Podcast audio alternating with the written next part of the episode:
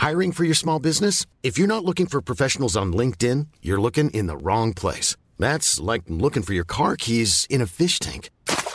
LinkedIn helps you hire professionals you can't find anywhere else, even those who aren't actively searching for a new job but might be open to the perfect role. In a given month, over 70% of LinkedIn users don't even visit other leading job sites. So start looking in the right place. With LinkedIn, you can hire professionals like a professional. Post your free job on linkedin.com slash spoken today.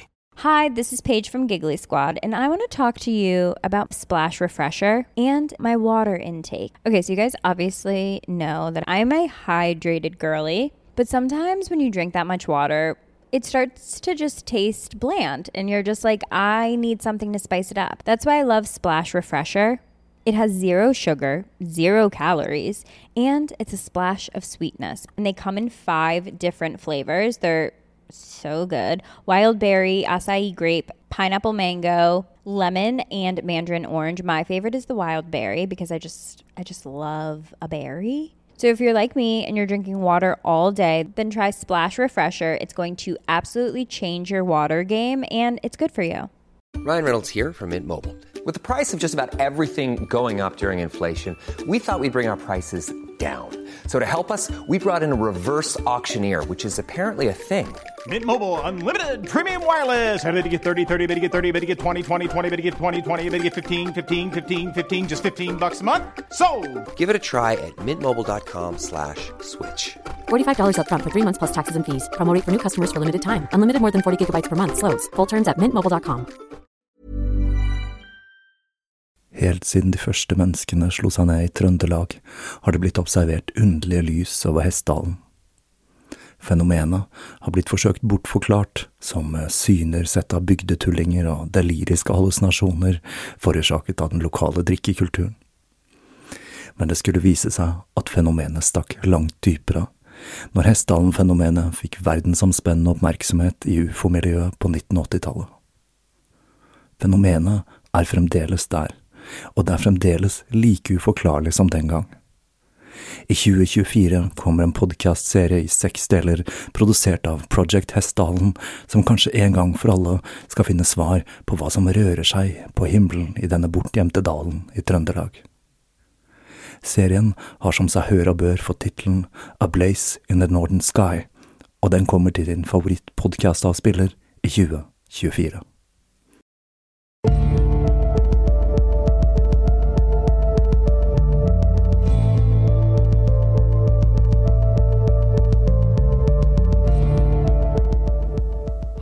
velkommen til Tåkeprat. Jeg heter Even, og når jeg tar opp denne episode 58, så er det da onsdag den 7. mars 2018. Aller først så må jeg da komme med gladnyheten om at Tåkeprat nå endelig er tilgjengelig på Spotify. Det tok sin tid, men nå er det altså mulig å strømme Tåkeprat der også. Når jeg tar opp denne episoden, så ligger det da noen enkeltepisoder litt hulter til bulter, men jeg regner med at de holder på å oppdatere strømmen, og at når denne episoden blir publisert, så er alle på plass. Nå tror jeg da jeg har dekket de aller fleste plattformer, så da er det mulig å dele tåkeprat med venner og kjente som er ihuga Spotify-brukere, og de er det da ganske mange av her til lands. Da tror jeg vi hopper rett inn i episoden, for det er en fare for at dette blir en av de mest kontroversielle episodene av Tåkeprat så langt.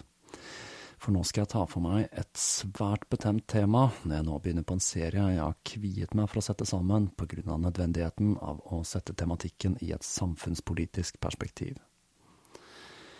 Dette er en fortelling om et av de skjulte elementene i historien. Gjennom menneskehetens historie så har rusmidler spilt en sentral rolle, og ofte så gjenspeiler samfunnet og kulturen rusmidlene som er i bruk. Her er det jo bare å se på 60-tallet med gjenoppdagelsen av psykedeliske stoffer i Vesten, og senere house- og klubbkultur med framveksten av MDMA. Vi har et svært forkvaklet syn på rusmidler, noe ikke minst språket vårt reflekterer. På engelsk så har man da samlebetegnelsen drug, som omfatter alt fra heroin til koffein. Mens i Norge så har vi noen vage kategorier løselig basert på lovverk og moral. Ta for eksempel ordet narkotika. Har du noen gang tenkt på hva narkotika er for noe? Dette ordet har da to betydninger.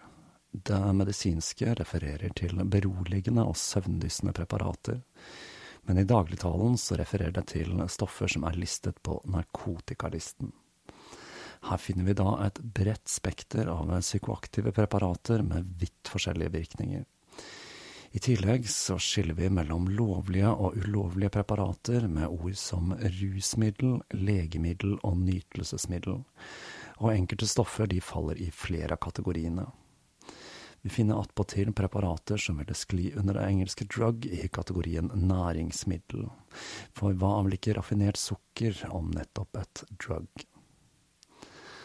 Hva som er lovlig og ulovlig i samfunnet, er i stor grad basert på moralske antagelser og synsing, og er i svært liten grad fundamentert i vitenskap og forskning. Jeg var jo så vidt inne på hvordan The Dangerous Drugs Act gjorde at man skapte en helt ny underklasse og en helt ny type kriminalitet i England i historien om Alistair Crowley. Det er da svært sjeldent jeg griper den politiske fakkelen her i tåkeprat og kommer med bastante uttalelser. Men dette er et område hvor jeg ikke bare mener, men jeg føler meg sikker på at samfunnet vårt fortsatt klamrer seg til årelating og blodigler. Framtidige generasjoner kommer til å se tilbake på oss og riste på hodet over hvordan vi håndterte dette temaet. Jeg kan rett og slett ikke fortelle denne historien uten å kommentere samtiden, krigen mot narkotika og det hykleriet som er ruspolitikk i dag. Resultatet av en årelang krig mot narkotika har ført til at det dukker opp preparater som opiatet fentanyl på det svarte markedet. Ikke fordi dette stoffet er så attraktivt i seg selv, men fordi det er ekstremt lett å smugle og skjule av den vanvittig lave doseringen. Vi snakker om et preparat som er 50–100 ganger sterkere enn morfin. Den lave doseringen gjør at risikoen for overdose er enormt høy sammenlignet med andre preparater. En annen følge av forbudet er at det til stadighet dukker opp helt nye rusmidler som er utviklet nettopp for å unngå lovverket. Disse lages da ofte ved å manipulere molekylstrukturen til et kjent preparat, og så sitter man igjen med et stoff man ikke kjenner virkningen eller bivirkningene til. Jeg kjenner det knytter seg i magen min hver gang jeg leser om nye motedop i avisene, for overskrifter i krigstyper om narkotika er nettopp en av årsakene til at disse stoffene i det hele tatt eksisterer. Jeg er også av den oppfatning at modellen vi har av rusmidler, nemlig at det er rusmidlene i seg selv som er problemet, er feil. Problemet det er sammensatt, men det er ikke urimelig å anta at en svært høy prosentandel av tunge rusmisbrukere ruser seg som en følge av traumer, omsorgssvikt og misbruk. Det å straffe disse menneskene virker for meg fullstendig absurd, og er kun med på å gjøre livssituasjonen til disse menneskene enda verre. Du snakker om å sparke folk som ligger nede. Og da støter vi på enda et problem. Her snakker vi om tunge rusmisbrukere, men hva med de 99,99 ,99 andre menneskene som kommer i befatning med ulovlige rusmidler i løpet av livet, og aldri utvikler et problem? Skal de straffes, eller i beste fall dømmes til behandling? Dette inkluderer jo en rekke amerikanske presidenter. Hva med Barack Obama? Skal vi gi han en omgang med kurset Fra hasj til helvete, som jeg var så heldig å få dyttet på meg på ungdomsskolen? Årevis med propaganda i skoleverk og nyhetsbildet har hamret inn ideen om at dette dreier seg om kjemi og ikke samfunn og psykologi. I skolen hvor vi har seksualundervisning for å forberede barna på voksenlivet, så finnes det ingen reell rusundervisning. Den er overlatt til Jonny på hjørnet og vennegjengen. Produksjon og omsetning av stoffer som er klassifisert som narkotika, blir styrt av kriminelle nettverk eller hobbykjemikere, og det er enorme finansielle insentiv for å holde denne modellen gående, og ikke bare på den kriminelle siden. Det styggeste eksempelet på dette det finner vi i USA, hvor private fengsler tjener seg søkkrike på hovedsakelig unge, svarte og latinamerikanske menn som soner dommer for besittelse av minimale mengder med ulovlige rusmidler. Noen av de ivrigste forkjemperne for et fortsatt forbud i USA er nettopp The Prison Guards Union, for ikke å snakke om alkohollobbyen, da. Så ille er det ikke i Norge, i alle fall ikke enda, men tro ikke at vi har alt på det tørre her til lands heller. For vi har en rekke organisasjoner og interesseparter som tjener gode penger på krigen mot narkotika, og som kjemper med nebb og klør for å holde den nåværende modellen ved like hver gang det kommer forslag om lovendringer. Jeg sier ikke at rusmidler ikke er forbundet med risiko. Jeg sier heller ikke at vi skal ha et fullt frislipp av all verdens preparater og gjøre de tilgjengelige for alle til enhver tid. Det jeg sier, er at modellen vi har i dag, gjør mer skade enn rusmidlene selv, og fører til unødvendig menneskelig lidelse.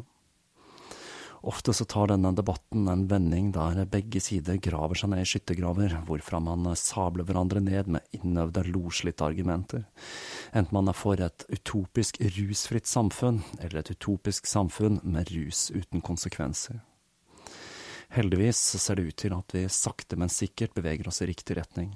Mye takket være internett og tilgang på informasjon som tidligere var forbeholdt de som tok seg bryet med faktisk å sette seg ned for å sette seg inn i tematikken. For det hele er faktisk ganske enkelt. Dette er et spørsmål om personlig frihet. Det er på tide å ta ansvar og vokse opp. Det er ikke statens oppgave å beskytte individet mot seg selv. Vi trenger regulering, kvalitetssikring, behandling og ikke minst opplæring og informasjon, ikke forbud og straff. Om du har lyst til å få noen av forestillingene dine knust, så kan jeg anbefale High Price av Carl Hart. I denne boka, skrevet av professor Hart fra Universitetet i Colombia, så får vi ta del i hans reise fra gettoen og hans opplevelser med crack-epidemien, fram til når han mot alle odds klarer å bli en akademiker som spesialiserer seg nettopp på rusmidler. Dette er en svært gripende bok, hvor Hart ikke bare får sine egne forestillinger knust, og etter hvert kommer fram til at epidemien han så ødelegge nabolaget sitt, skyldtes helt andre ting enn crack. Vi får også et innblikk i amerikansk rasekonflikt på en måte som nok vil virke svært fremmed for mange her til lands. Ideen om at noen rusmidler er moralsk forkastelige, mens andre blir løftet frem og forherliget, er ikke ny, og denne ideen er sentral i historien jeg nå skal fortelle.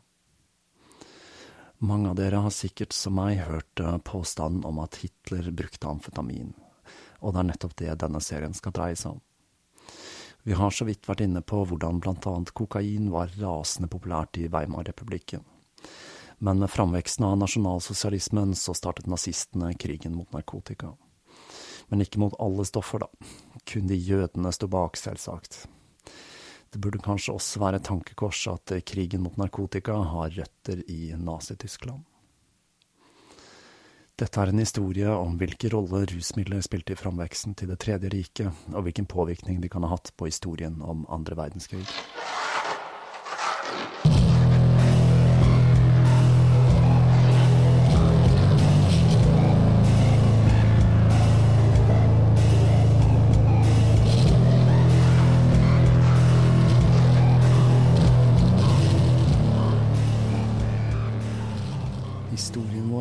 På begynnelsen av 1800-tallet med den 21 år gamle kjemikeren Fredrich Wilhelm Sertürner. Han forsøkte å løse et av menneskehetens eldste problem, smerte. Han kjente til bruken av saft fra valmuer, men av den store variasjonen i styrke, så var dette forbundet med en viss risiko, da det var vanskelig å finne riktig dose. Sertyner skulle gjøre en av de største oppdagelsene innen medisin. Han klarte å isolere det aktive stoffet i opiumsvalmuen, morfin. Med denne oppdagelsen så åpnet det seg helt nye muligheter innen smertelindring, for ikke å snakke om at det åpnet seg muligheter for en helt ny industri. Eieren av Engel-apoteket i Darmstadt, Emanuel Merck, startet med å standardisere morfinbaserte preparater, og med det så startet han hva som i dag er blitt legemiddelindustrien. Hans eh, selskap Merck er fremdeles et av verdens ledende legemiddelfirmaer. Når man senere også oppfant injeksjon i 1850, så ble dette nye preparatet enda mer anvendelig. Ikke minst på slagmarken, hvor soldater nå kunne lappes sammen og sendes tilbake ut i strid med skader som tidligere ble gjort de indisponerte i lengre tid. Verden red på en euforisk bølge, ikke bare hadde man mestret smerte, men et annet preparat, kokain, marsjerte skulder ved skulder med morfin, og sammen som muliggjorde de ting man kun hadde drømt om tidligere. I tillegg til å være en svært god lokalbedøvelse, så var kokain en stimulant som ble flittig brukt som en oppkvikker, blant annet da som en tilsetning i Coca-Cola. Og her er et litt uh, artig fakta. Visste du at eh, Coca-Cola fremdeles inneholder cocaekstrakt? The Coca-Cola Company kjøper da coca fra produsenten The Steven Company. De ekstraherer nemlig kokain fra kokablader, som da brukes til smaksetning av Coca-Cola. Og den ekstraherte kokainen den blir da solgt videre til legemiddelindustrien. Kokain er nemlig av de, et av de aller vanligste stoffene til bruk i annet kliniske eksperimenter med rusmidler, i tillegg til å ha en rekke andre medisinske bruksområder. På samme tid som dette stoffet er sentralt i noen av de blodigste kartellkonfliktene i verden, og det blir brukt store økonomiske ressurser på å ødelegge kokaavlinger. Flere preparater skulle følge morfin og kokain. I 1897 så utviklet Felix Hoffmann aspirin, og et preparat til, diaketylmorfin, et derviat av morfin som ble markedsført under merkenavnet heroin. Dette stoffet ble sett på som en slags mirakelkur som kunne kurere det meste, inkludert kolikk i spedbarn og generelt illebefinnende. Si hva du vil, men jeg er ganske sikker på at påstanden om at heroin kan kurere generelt illebefinnende, er korrekt. Det var Tyskland som hadde de beste vitenskapsmennene og ekspertisen, og med det ble det globale senteret for denne nye industrien laget i Tyskland var et tegn på kvalitet, ikke minst på farmakologiske preparater. Etter den første verdenskrig så eksploderte legemiddelindustrien i Tyskland, og svært mange medikamenter vi bruker i dag ble utviklet i denne perioden. Landet var verdensledende i produksjon av morfin og heroin, og supplerte 80% av det globale markedet for kokain. Hele den årlige produksjonen av coca i Peru ble eksportert til Tyskland for foredling. Tyskland gikk riktignok på en liten smell i 1925, når handelen med opiater ble regulert, men det stoppet ikke den massive veksten til Merk og den tyske legemiddelindustrien. Etter det bitre nederlaget etter første verdenskrig var landet hyllet inn i en kjemisk tåke. Selv om preparatene i teorien var regulert, så hindret ikke dette at det svarte markedet ble oversvømt av kokain og morfin. I mellomkrigstiden så var det Berlin som var Europas festhovedstad. En rekke undergrunns nattklubber ble åpnet, og Tyskland opplevde en strøm av turister på jakt etter rus og sex. Blant annet så hadde vår gode venn Alistair Crowley et lengre opphold i Berlin i denne perioden. Det er vel ikke så vanskelig å tenke seg at han koste seg i det syndige Berlin. I 1928 ble 73 kilo med morfin og heroin solgt lovlig over disk, og kokain var den store farsotten. Alle som hadde råd til det, brukte kokain. Som vi var inne på i Døtre av Det tredje riket, så var lengselen etter det opprinnelige tyske mye av drivkraften til de nasjonalsosialistiske bevegelsene. Nasjonalsosialistene så på denne hedonismen og virkelighetsflukten som et tegn på at Tyskland var i ferd med å degenerere til å bli en jødisk republikk. Adolf Hitler verken drakk eller røkte og var vegetarianer. Han framsto som den rake motsetningen til hva følgerne hans foraktet med Weimar-republikken. Når nasjonalsosialistene kom til makten i januar 1933, så slo de steinhardt ned på rusbruk med Rauschgiftkampfung, eller krigen mot narkotika. Nye lover ble opprettet, og så tidlig som i november 1933 så ble det innført en lov som gjorde at personer som brukte noen av de forbudte substansene, ble fengslet i inntil to år, og leger som ble tatt til å ruse seg, ble utestengt fra yrket sitt i inntil fem år. Legenes taushetsplikt den gjaldt ikke lenger når det dreide seg om rusmidler, og dersom en pasient måtte ta et preparat i mer enn tre uker, så måtte de rapportere dette til myndighetene. Folk ble også oppfordret til å rapportere familie, venner og bekjente som brukte ulovlige rusmidler. Kampen mot narkotika ble brukt som et verktøy for å innføre overvåkningsstaten. Etter hvert skulle personer som brøt disse lovene, bli sendt til konsentrasjonsleirer. I 1935 ble en lov som forbød mentalt forstyrrede personer å gifte seg, vedtatt. Rusmisbrukere ble satt i denne kategorien, og dette skulle få enda mer alvorlige konsekvenser når nazistene innførte massesteriliseringsprogrammer, og ikke minst med innføringen av eutanasiprogrammet. Rusbruk ble rørt sammen med nazistenes raseideologi, og det ble presisert at det var spesielt farlig med rusmidler som ikke hadde en kulturell tilknytning til landet. Jøder ble beskyldt for å stå bak spredningen av disse fremmede stoffene, og dette ble en taktikk for å marginalisere og stigmatisere uønskede elementer i samfunnet. Under hakekorset tilhørte ikke kroppen individet, men staten, og det å gjøre noe som kunne skade kroppen, ble sett på som en forbrytelse mot staten og mot nasjonalsosialismen selv. Ideen om at det er urene raser som forgifter befolkningen med fremmede rusmidler, finner vi også i det amerikanske motstykket til hva som foregikk i Nazi-Tyskland, med forbudet mot cannabis. Her er kortversjonen av hva som skjedde. Dette var et forbud som ble sneket inn for å stoppe produksjonen av industriell hamp, da den industrien var i ferd med å bli en trussel mot en rekke bransjer etter utviklingen av en maskin som effektivt kunne utvinne fibrene fra hampplanten. En av industriene som sto i fare for å gå på en smell, det var papirproduksjonen til mediemogulen William Randolph Hirst. Hirst spilte da en sentral rolle sammen med en gruppe industrimagnater og Harry Anslinger i å få gjennom en lov som skulle stanse utviklingen av industriell hamp. Man valgte da å bruke navnet marihuana, et navn ingen forbandt med cannabis eller hamp på denne tiden.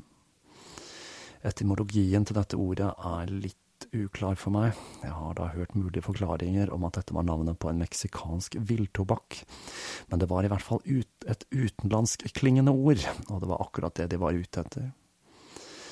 Grunnen til at man gjorde dette, var at cannabis, eller hamp, var et kjent og kjært produkt i industri og medisin og ved å skjule seg bak navnet marihuana, og med kampanjer om hvordan dette skrekkelige rusmiddelet fikk hvite kvinner til å ha sex med svarte og meksikanere, så klarte de å få gjennom en lov, The Marihuana Taxation Act i 1937, som i praksis gjorde at cannabis ble forbudt, før noen skjønte hva som var i ferd med å skje og rakk å protestere. Igjen så ser vi at ruspolitikken ikke akkurat er solid fundamentert i forskning og vitenskap, ei heller etikk og moral. Men nok digresjon. SS Hauptsturmführer, kriminalkommissær Ervin Korsmell, kunne fortelle at jøder spilte en sentral rolle i internasjonal narkotikahandel, og arbeidet hans var sentrert rundt bekjempelsen av internasjonal kriminalitet som hadde sine røtter i jøderi. Det ble antatt at det jødiske vesen gjorde at de var spesielt mottagelige for virkningen av kokain og morfin, og jødiske leger ble sagt å være særskilt hyppige brukere av morfin.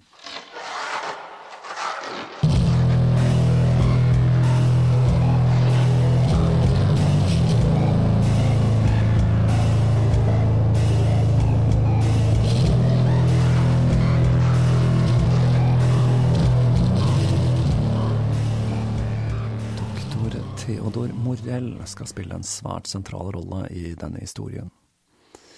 Mange av dere har sikkert hørt om denne mannen før. I 1933 så ble det malt Juden over forsiden på legekontoret hans i Charlottenburg-distriktet i Berlin.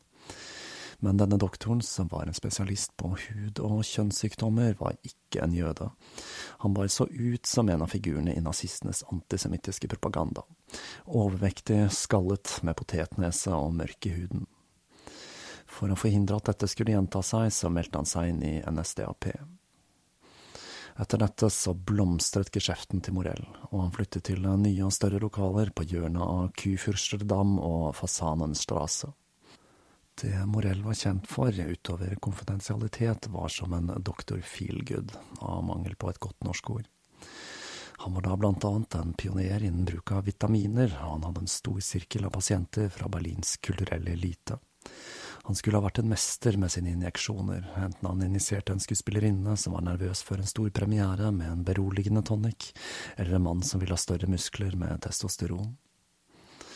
Ryktet til Morell spredte seg utenfor Berlin, og våren 1936 så skulle han få en telefon som endret livet hans for all ettertid. Det var fra hovedkontoret til NSDAP.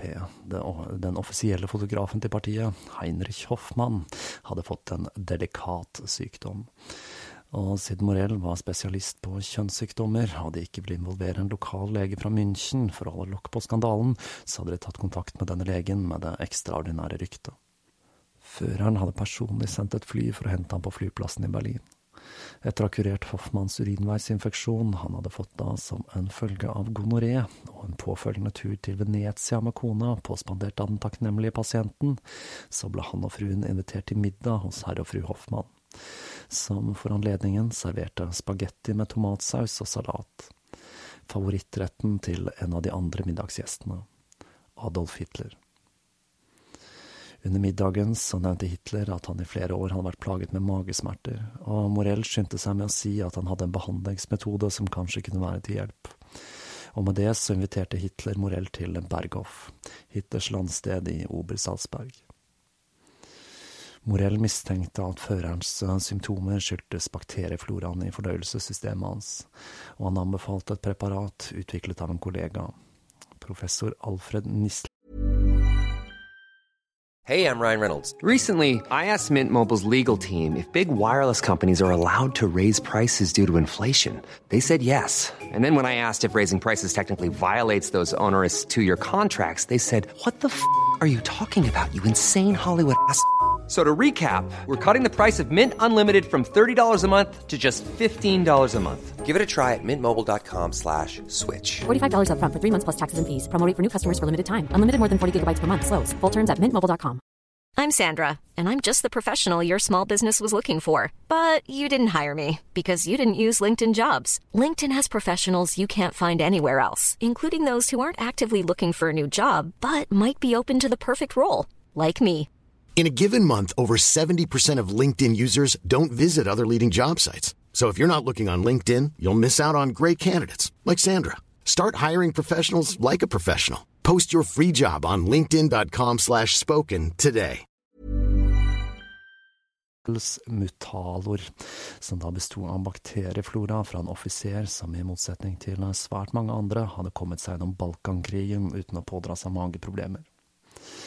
Dette er jo en reell og virkningsfull metode, og Hitler han var så imponert over behandlingen at han utnevnte Morell til sin personlige lege, og med det så startet et svært underlig forhold mellom de to. Hitler var nemlig svært skeptisk til leger, og Morells enkle metode med injeksjoner som fikk han til å føle seg umiddelbart bedre, ble svært godt tatt imot av føreren, som Morell skulle referere til som pasient A i journalene sine. Morell var alltid i nærheten av føreren, Klart til å injisere han med glukose eller en cocktail av vitaminer, gjerne flere ganger om dagen for å gjøre han i stand til å holde det gående i timevis uten å vise tegn til tretthet. Det er mye som kan sies om mannen med barten, men energisk, det var han i alle fall. Selv om nazistene slo knallhardt ned på bruk av kokain og morfin, så foregikk det et kappløp for å utvikle nye syntetiske stimulanter. Det var et spesielt fokus på dette fordi amerikanerne hadde gjort det sterk i de olympiske lekene i 1936, da godt hjulpet av benzedrin, et amfetamin av amerikansk opprinnelse. Doping er da ikke et nytt fenomen, og det var fullt lovlig å benytte seg av benzedrin i 1936. Japanerne hadde syntetisert N-metylamfetamin allerede i 1887, og utviklet en metode for å krystallisere dette i sin rene form i 1919. Dette preparatet, som gikk under varemerket Filofon Riofon, ble brukt av japanske kamikazepiloter under krigen. I Tyskland så finpusset kjemikeren dr. Fritz Hauschild metoden som da ble brukt for å utvinne metamfetamin fra efedrin. Og et nytt superpreparat som stilte amerikanernes benzedrin i skyggen, ble patentert den 31. oktober 1937 under merkenavnet Pervitin. Amfetaminer er altså en stor stoffgruppe hvor vi finner en rekke forskjellige rusmidler med ulike virkninger. En av de fremste forskerne som utviklet og forsket på denne typen stoffer i senere tid, var kjemikeren Alexander Sasha Sjølgin, og han har vært å nevne i den forbindelse, om enn ikke på grunn av kultstatusen han har. Denne figuren fra Berkeley, California, skrev to bøker sammen med sin kone, Pikal og Tikal, som da står for Phenatylamines and Tryptamines I Have Known and Loved.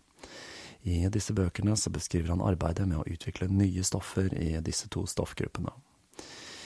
I fenethylamingruppen så finner vi blant annet amfetaminer som metamfetamin, i tillegg til en hel haug, og da mener jeg en hel haug med psykoaktive substanser, deriblant MDMA, som da er metylendioxmetamfetamin, samt meskalin, som da er trimetoxyfenetylamin, den aktive ingrediensen i peyote-kaktusen som vi var borti i episoden om Alistair Crowley, og som da inspirerte Aldous Huxley til å skrive The Doors of Perception. En av tingene som gjør at eh, Sasha var en så omstridt figur og har fått eh, kultstatus i ettertid, skyldes at han eksperimenterte med stoffene han syntetiserte, på seg selv. Noe som strengt talt var en nødvendighet for å finne ut hvordan de ulike molekylene fungerte på den menneskelige bevissthet. Sasha Sjølgin han døde i 2014, 88 år gammel, og arbeidet hans med å identifisere, syntetisere og prøve ut psykoaktive substanser savner sidestykke i historien. Stoffet Tembler markedsførte som pervitin, var altså krystallisert metamfetamin. Det samme stoffet den fiktive antihelten Walter White tjente seg rik på i kjempesuksessen Breaking Bad. Molekylstrukturen til metamfetamin den minner om adrenalin, men den øker ikke blodtrykket på samme måte og varer lengre. Stoffet får hjernen til å produsere store mengder med neurotransmittorene dopamin og noradrenalin, i tillegg til å hindre gjenopptakelse av disse, noe som gjør at effekten gjerne varer tolv timer eller mer. Personen som tar stoffet, vil oppleve følelsen av å være våken, oppstemt, fokusert og selvsikker, i tillegg til reduksjon av hemninger, eufori og den subjektive opplevelsen av at tankeprosessen er raskere. Men medaljen har jo en bakside, for med overdreven og langvarig bruk så begynner bivirkningene å dukke opp. Å kjøre hjernen på høygir hele tiden, det sliter på systemet, og det å tømme hjernen for neurotransmittorer på den måten gjør at kroppen gjerne bruker flere uker på å bygge disse opp igjen, noe som da kan føre til depresjon og problemer med hukommelsen og lignende. I tillegg så løper man risikoen for å utvikle paranoide vrangforestillinger, hallusinasjoner og psykoser som en konsekvens av mangel på søvn eller ved høy dosering. Men eh, legemiddelfirmaet Temler de var så stolte av sin nye oppdagelse at de valgte å se bort fra mulige bivirkninger når de begynte å markedsføre sin nye mirakelmedisin. Her må jeg skyte inn at i gruppen med amfetaminer så finner vi stoffer som er klassifisert både som legemidler og narkotika, og bruken av disse er svært utbredt i dag. For eksempel så blir et amfetaminpreparat som av ulikt pervitin, Adderall, markedsført i USA som et preparat mot ADHD og narkolepsi. Dette preparatet har fått et skikkelig fotfeste i annet Hollywood, og er da svært vanlig å bruke annet av journalister og andre yrkesgrupper som opererer med tidsfrister og høyt arbeidspress.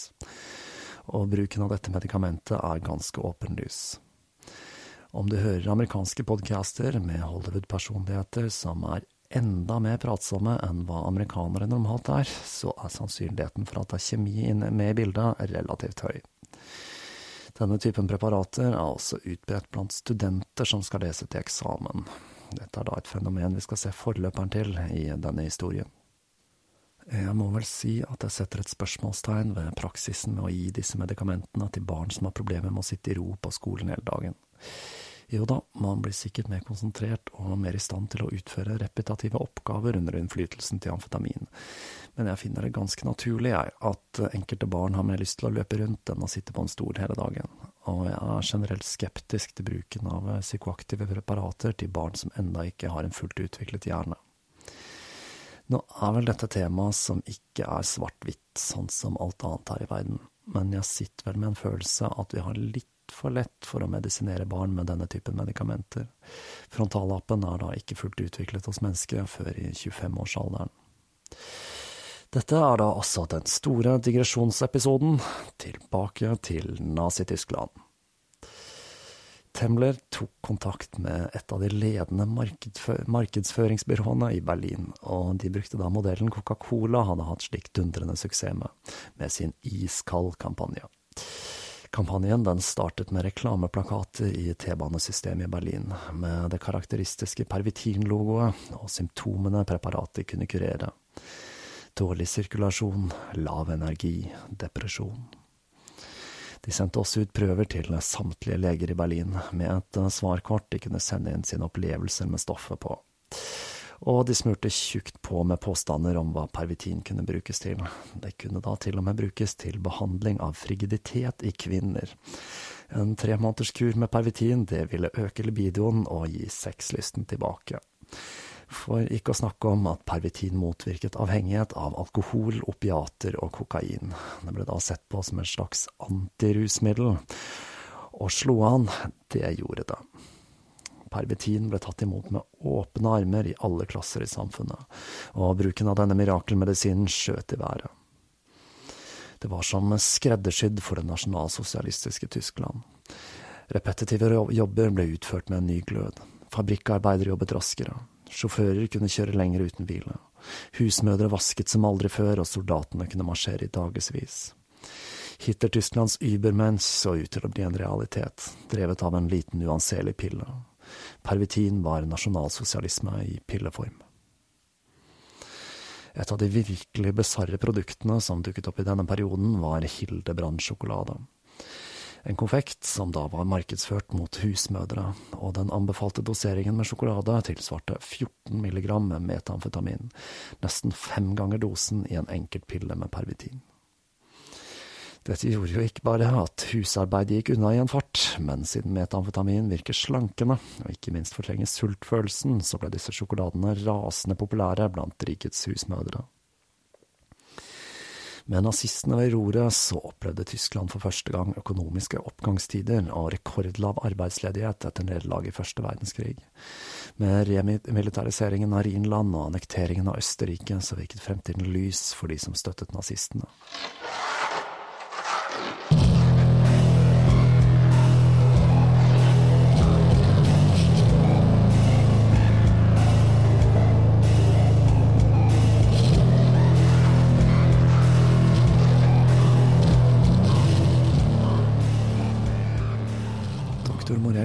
Direkte involvert i kapitulasjonen til Tsjekkoslovakia.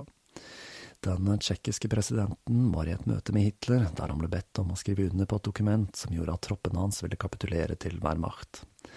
Han nektet, men så fikk han hjerteinfarkt og ramlet om. Hitler tilkalte Morell, som injiserte presidenten med en kraftig stimulant. Han spratt da opp igjen som vekket fra de døde, før han signerte avtalen og forseglet skjebnen til landet sitt. Han skulle forbli en lojal pasient av Morell etter dette. Bruken av pervitin i Wehrmacht er spesielt knyttet til én person, professor doktor Otto F. Ranke. Han var direktør for Forskningsinstituttet for forsvarsfysiologi. Dette instituttet var en del av det militære medisinske institutt i Invalidenstrasse i Berlin. Invalidenstrasse der, altså. Ranke han jobbet med å forbedre potensialet til de tyske soldatene. Utmattelse og søvn var de to største utfordringene for en moderne hær, og han ble nysgjerrig da han kom over en artikkel skrevet av en kjemiker som jobbet for Temler, hvor det ble påstått at pervitin kunne øke prestasjonen. Var dette preparatet våpenet han hadde lett etter i kampen mot søvn og utmattelse? Ranke satte i gang studier med først 90 og senere 150 offiserer for å teste effekten til pervitin. Dette var blindtester der en gruppe ble gitt koffein, en annen pervitin og en tredje placebo. Forsøkspersonene skulle løse matteoppgaver gjennom hele natta og fram til klokka fire påfølgende dag. Etter ti timer så hadde placebogjengen sovnet, mens de som hadde fått pervitin, jobbet frenetisk tilsynelatende uten å være det minste slitne. Tvert imot, de var klare for mer arbeid. Men resultatene de var ikke utelukket positive. Riktignok så arbeidet de som hadde fått pervitin langt raskere og ble ikke slitne, men de gjorde også flere feil. Her burde kanskje varsellampene lyst hos Ranke, men han konkluderte med at dette var det perfekte preparatet for den allmenne soldat. Ikke bare holdt pervitin de våkne, men det var billigere enn kaffe. Ryktet om denne mirakuløse virkningen til preparatet, den spredde seg nå også blant medisinstudenter, og på samme måte som blant annet Ritalin blir brukt til eksamensforberedelser i dag, så gaflet studentene i seg pervitin, med det resultatet at universitetet i München måtte opprette et eget rom til elever som hadde overdoset eller ble utbrent etter å ha studert i dagevis uten søvn.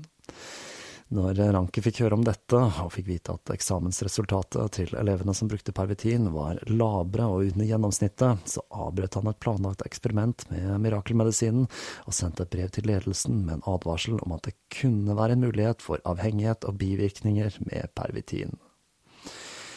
Men Pandoras eske var åpnet, og den tyske hæren gjorde seg klar for å invadere Polen. Og med det så startet det første kjemiske masseeksperimentet i krigshistorien.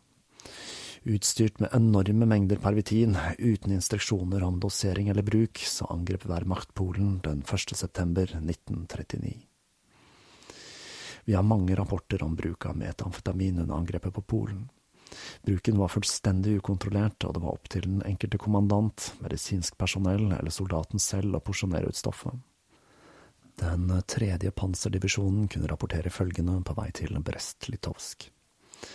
Det er ofte eufori, bedre konsentrasjon, en klar intensifisering av arbeidsoppgavene, arbeid utføres uten vanskeligheter, en utpreget årvåkenhet og en følelse av opplagthet, jobbet hele dagen, depresjonen forsvant før det vanlige humøret overtok på ny. For mange soldater så var dette stoffet den perfekte følgesvenn. Med økt selvtillit og godt humør så var det enklere å få jobben gjort, selv når jobben var å drepe, eller kanskje spesielt akkurat da. En annen soldat kunne rapportere. Lett euforisk og økt tørst etter strid. Mentalt oppmuntret, veldig stimulert, ingen uhell. Langtidsvirkende. Etter å ha tatt fire tabletter, ser dobbelt og ser farger. Under angrepet på Polen så spilte pervitin en stille kjemisk symfoni som akkompagnerte den invaderende tyske armeen. Dette angrepet førte til 100 000 døde polske soldater og 60 000 sivile innen utgangen av året. Det ble ansett som spesielt viktig at sjåfører, enten av tanks eller andre landkjøretøy, brukte pervitin av sikkerhetshensyn for å holde seg lys våkne i framrykningen på dårlige polske kjerreveier.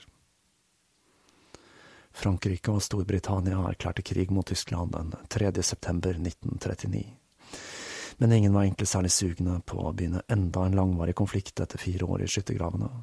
Selv tyskerne kviet seg, til tross for propagandaen om hvor storslagen hæren deres var, så var utstyret utslitt og nedbrutt etter invasjonen av Polen. Den tyske hæren kunne skilte med tre millioner operative soldater, mens de allierte styrkene utgjorde fire millioner. Ikke gode odds for en invasjonshær, med andre ord. Den som derimot hadde klokketro på å være makt, var Adolf Hitler. Han tok suksessen i Polen som en klar indikasjon på det ariske folks overlegenhet, uvitende om rollen til det nye kjemiske preparatet i angrepet. Generalen Eirich von Manstein og tankgeneral Heinz Guderian foreslo å sende en lett armada med tanks gjennom de uframkommelige Ardennene i Belgia, med et lynangrep via Sedan og mot Atlanterhavskysten. De allierte ventet ikke et angrep fra den kanten, og med et slikt eh, skikkelsnitt, eller sigdkutt, så kunne de omringe fienden. Dette ble sett på som ren galskap av de andre generalene, og de utsatte og utsatte mens vestfronten hvilte i påvente av krig. Dagene gikk og spenningen tiltok. Ingen ville løsne det første skuddet. Ranke skrev i dagboken sin. Spørsmålet er ikke om pervitin skal brukes eller ikke, men hvordan vi skal kontrollere bruken. Pervitin blir misbrukt på en massiv skala uten medisinsk kontroll. Ranke brukte også selv pervitin, gjennomsnittlig to om dagen, for da å bekjempe stress og bedre humøret. Å holde seg våken i to døgn i strekk ble normen for Ranke. Han skrev. Selv med store doser er det ingen åpenbare skader. Med pervitin så kan du arbeide i 36–50 timer uten å føle deg sliten. Korrespondansen han hadde med andre i den perioden, viser at flere og flere offiserer fulgte dette brukermønsteret, og det samme skjedde i sivilbefolkningen. Pervitin var en farsott, og ble brukt eh, til alt fra å dempe symptomene på overgangsalderen til å piffe opp kaffeerstatninger. Dette ble til slutt plukket opp av rikets helsemyndigheter, og Leo Conti, som var rikets helsefyrer, påpekte at ettervirkningen av pervitin overskygget de positive effektene, og at jo mer man brukte preparatet, jo mer utslipp ble man, og pervitin ble reseptbelagt i november 1939. Men restriksjonen ble da ikke tatt på alvor, og apotekene de fortsatte å selge enorme mengder av preparatet uten resept, og bruken fortsatte å øke. Conti forsøkte også å få hæren til å ta opp et oppgjør med den harde rusbruken, men siden han ikke hadde militær autoritet, så fikk han et likegyldig svar om at hæren ikke kunne ta denne typen hensyn når det var krig, og at alle tilgjengelige midler måtte brukes i kampen mot utmattelse og søvn. Den samme dagen Conti skrev brevet til hæren, den 17. februar 1940, hadde Hitler et møte med Eirich von Manstein og Erwin Rommel, som nylig hadde blitt utnevnt til kommandant for panserdivisjonen. Hitler likte den vågale planen, selv om det var usikkert om denne framrykningen gjennom Ardennene i det hele tatt var mulig. Én ting var faren for at eh, tanksene skulle bli sittende fast i terrenget, men den største utfordringen var at de tyske soldatene var nødt til å drive framrykningen dag og natt, uten stans og uten søvn, om de allierte ikke skulle ha en mulighet til å stoppe angrepet. Hitler avfeide disse bekymringene og refererte til den overlegne ariske viljen. Men det var mer en viljestyrke som skulle drive dette angrepet. Ranke ble kalt inn for å diskutere bruken av pervitin og for å utarbeide en instruks for bruk. Temler ble beordret til å øke produksjonen av preparatet, og den 17. april sirkulerte et skriv blant tusenvis av militærleger og SS-personell. Skrivet beskrev hvordan pervitin skulle brukes til å forhindre søvn, anbefalt dosering og beskrivelsen. Med korrekt dosering blir selvsikkerheten styrket. Frykten for å påta seg vanskelig arbeid blir redusert, og hemninger forsvinner uten den reduksjon i motorikk man forbinder med alkohol. Bestillingen hæren og Luftwaffe hadde lagt inn hos Tembler, var på 35 millioner tabletter pervitin. En ny type krigføring var i ferd med å se dagens lys. Blitzkrig.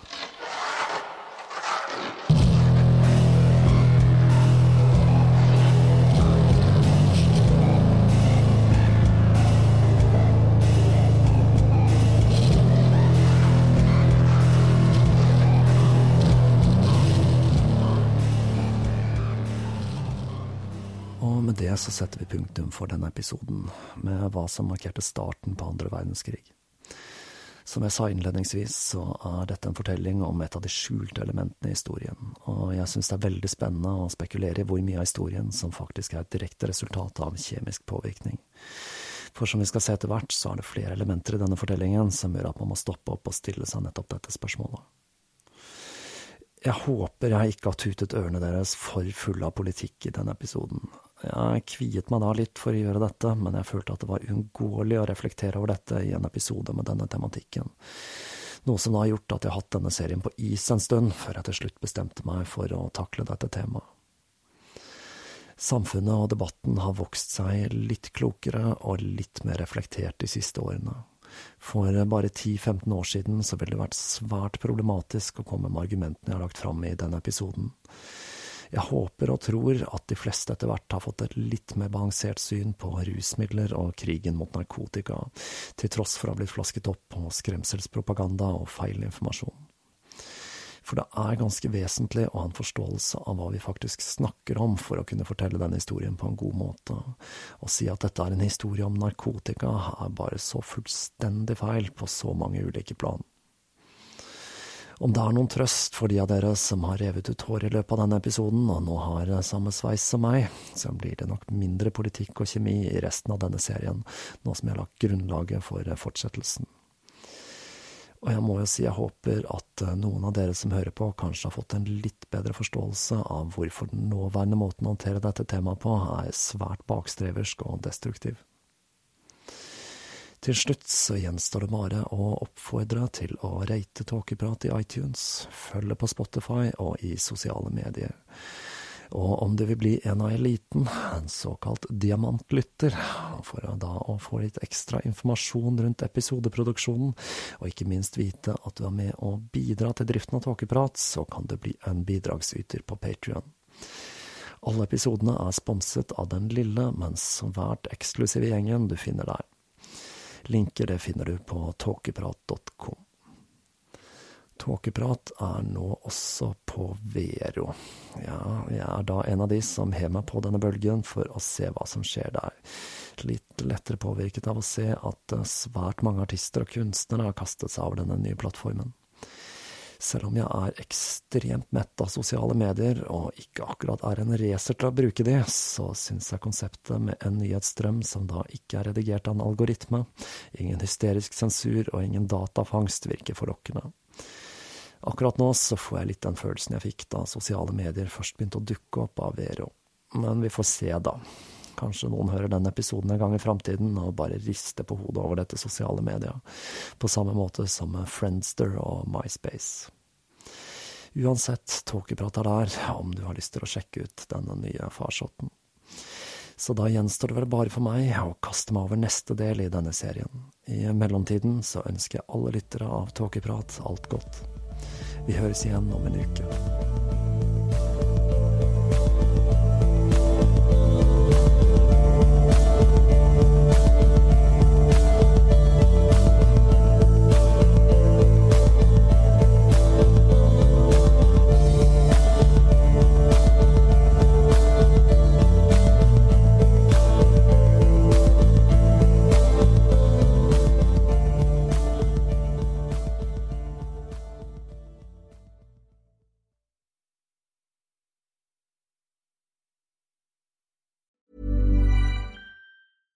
Hello, this is Danny Pellegrino, host of the Everything Iconic podcast, and I'm here to tell you all about Splash Refresher because hydration is mandatory, but boring is not. Now, I love my water, but if I don't spice it up, I'm not going to finish what I took out of the fridge. That's why I love my Splash Refresher, which is flavorful, delicious, bright, hydrating, and zero calories. The wild berry flavor is my fave. No, wait, is the pineapple mango flavor my fave? You know what? All five craveable splash refresher flavors are my fave because they're so delicious. So get hydrated and enjoy it with Splash Refresher. ACAST powers the world's best podcasts. Here's a show that we recommend.